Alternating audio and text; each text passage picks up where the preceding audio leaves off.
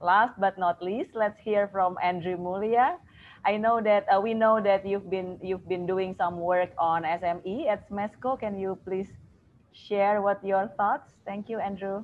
Sure, Ibu Dona. Uh, ya, terima kasih Ibu Dona, Pak Jimmy buat kesempatan ini. Saya coba share screen juga buat presentasi. Silakan. Ya, semoga uh, kelihatan. Oke, okay, kelihatan. Ya, agak susah ya untuk memberikan presentasi setelah Pak Wamen, Pak Wapres. Cuman uh, mungkin saya akan uh, menjawab atau mendukung apa yang sudah dipaparkan sebelumnya. Kan kalau saya tangkap Pak Wamen concernnya itu adalah defisit. Uh, kalau ADB concernnya tuh uh, perizinan jangan terlalu ribet. Dan kalau tadi uh, Ibu Sinta itu uh, jangan cepat-cepat dan hati ada moral risk and hazard. Juga mungkin uh, buat uh, Lemons menjadi uh, mungkin saya bisa kaitkan ini semua tuh dengan apa yang sedang dikerjakan di Smesco.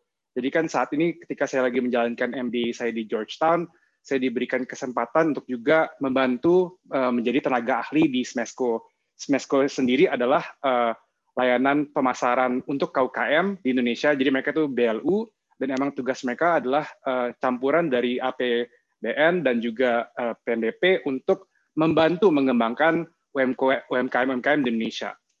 Jadi sih uh, ada beberapa ya. Jadi mungkin saya akan skip slide ini tentang industri yang sedang berkembang karena tadi sudah dibahas secara detail oleh teman-teman. Saya akan langsung aja ke apa yang sedang di pengalaman saya sebagai tenaga ahli di Smesco. Jadi sih kita di Smesco tuh kita mengembangkan semacam platform untuk membantu UMKM-UMKM ini untuk uh, saat ini melawan COVID dan lain-lain, dan juga setelah COVID untuk bisa bounce back dan berkembang lebih jauh. Beberapa platform yang saya, kita lagi kembangkan adalah Spark Track, Spark Campus, dan Spark Trade. SparkTrack adalah essentially itu uh, kita membuatkan database UMKM. Jadi seperti yang sudah dilihat di slide halaman paling pertama, sudah ada sekitar 4.900 mitra yang terdaftar di Smesco, dan itu pun uh, belum semuanya, masih ada 9.000 lagi yang masih kita konsolidasi datanya. Dan uh, kita akan bisa memetakan sampai tingkat per kabupaten di peta seperti ini. Dan ketika kita lihat uh, warnanya berbeda, ketika warnanya lebih padat, artinya di kabupaten tersebut lebih banyak UMKM yang ada di kabupaten tersebut. Dan kita juga bisa membagi per kategori dan per industri. Rencana kita ke depannya kita akan juga mengembangkan untuk meminta UMKM, UMKM ini untuk self-reporting agar kita bisa mendapatkan data terkait volume perdagangan antar kabupaten dan juga antar provinsi. Jadi yang kita lihat nih opportunity-nya tidak hanya uh, ekspor, tapi kita juga melihat domestic trading-nya antar provinsi itu bisa meningkat untuk meningkatkan sirkulasi ekonomi. Setelah database ini kita uh, bangun, kita akan juga next step-nya adalah ke Spark Campus. Di mana kan tadi uh, ada concern untuk adanya upskilling oleh Pak Wapres, uh, upskilling. Jadi Smesco sendiri sih memberikan layanan-layanan webinar gratis untuk pelatihan dari dari segi perizinan, dari segi bookkeeping, perpajakan, untuk UMKM-UMKM ini yang sebelumnya tidak mempunyai kemampuan atau skill untuk memulai bisnis atau mungkin agak uh, bingung mulai dari mana, mereka bisa mulai nih dengan mendaftar sebagai mitranya Smesco karena kita memang BLU, kita bukan swasta, jadi kita memang tugas kita dari pemerintah adalah untuk membantu uh, pengusaha-pengusaha baru agar bisa berbisnis dengan lancar. Ketika mereka sudah melalui proses pelatihan dan campus ini, mereka akan bisa mendapatkan akses kepada platform kita yaitu Spark Trade. Spark Trade ini adalah kayak semacam B2B e-commerce yang kita rencana sih launching tahun depan ya. Ini lagi masih beta testing secara internal oleh dengan mitra-mitra kita. Apa yang diharapkan dengan Spark Trade ini adalah dan apa yang berbeda dengan uh, e-commerce e-commerce platform lainnya adalah ini tuh di mana uh, buyer driven. Jadi kita sebagai UMKM dapat menaruhkan listingan-listingan uh, properti kita, uh, produk-produk kita dan buyer akan langsung mengkontak dan menghubungi. Ketika mereka mengkontak dan menghubungi, mereka akan mendapatkan akses kepada eh, e-brochure atau virtual store di mana produk-produk UMKM ini kita display tanpa harga ya, karena kan kita kita juga menunjukkan kapasitas dan kemampuan setiap UMKM ini itu bisa produksi berapa. Jadi kita tuh berharap dengan adanya platform ini akan terjadi link and match antara uh, pengusaha dan juga calon-calon investor atau uh, user. Jadi semacam listing platform for SME. Nah, selain dari uh, platform B2B commerce ini, kita juga menyediakan semacam kayak uh, riwayat. Jadi riwayat untuk setiap UMKM ini berdasarkan KTP. Jadi ketika UMKM ini ikut uh, acara atau kegiatan di Spark Campus, mereka akan dapat sejarah-sejarah kelas-kelas yang mereka pernah ikuti, termasuk juga sejarah-sejarah untuk transaksi dan pesanan.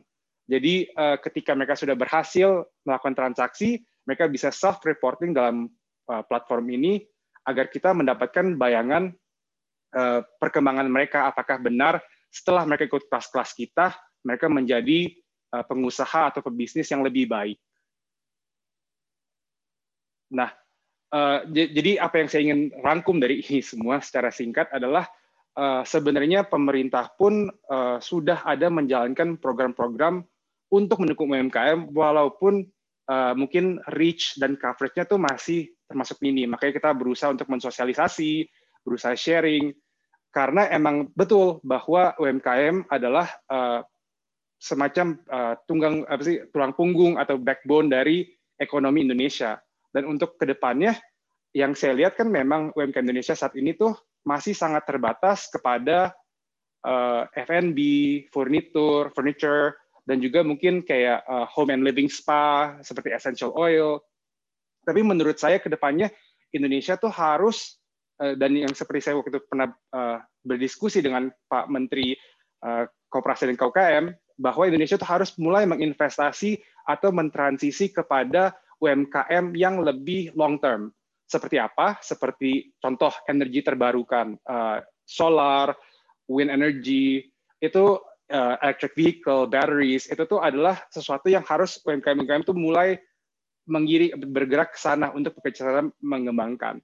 Selain energi terbarukan, mungkin juga tadi udah dibahas fintech dan e-commerce, karena itu akan menjadi faktor yang sangat penting untuk dari segi pendanaan uh, UMKM UMKM yang um, growing ini dan juga mungkin ekowisata bisa menjadi pertimbangan dan juga layanan-layanan seperti konsultasi atau yang membantu transformasi digital maupun reformasi birokrasi.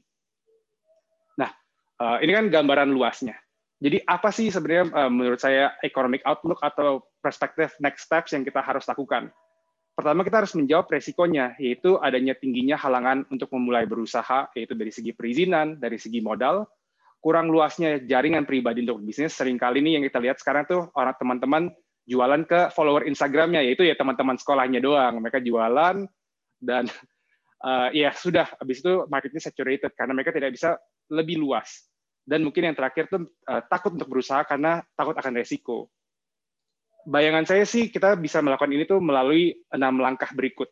Yaitu pertama kita menyiapkan data driven di mana kita menyusun database yang kuat untuk UMKM agar kita sebagai pebisnis tahu uh, jelas siapa kompetisi kita, siapa market kita, dan bagaimana kita bisa menjual.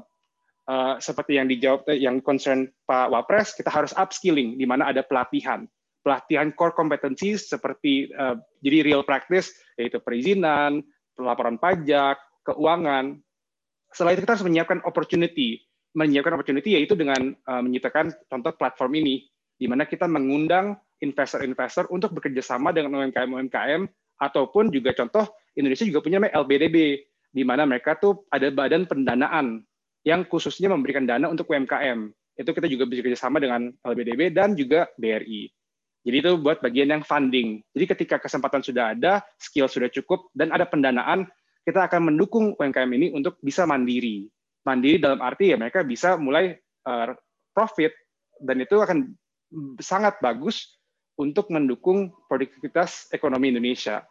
Jadi kurang lebih itu sih mas saya uh, kalau saya sebagai MBA student yang juga membantu tenaga jadi tenaga ahli di Smesco, bayangan saya kurang lebih itu enam langkah ini yang harus di tahun 2021 dan ke depannya kita ikutin. Thank you so much Andrew, minta tolong supaya dikawal terus nih. and I think this is very noble um, effort and I think after you graduate, please uh, stay involved in the UKM ini.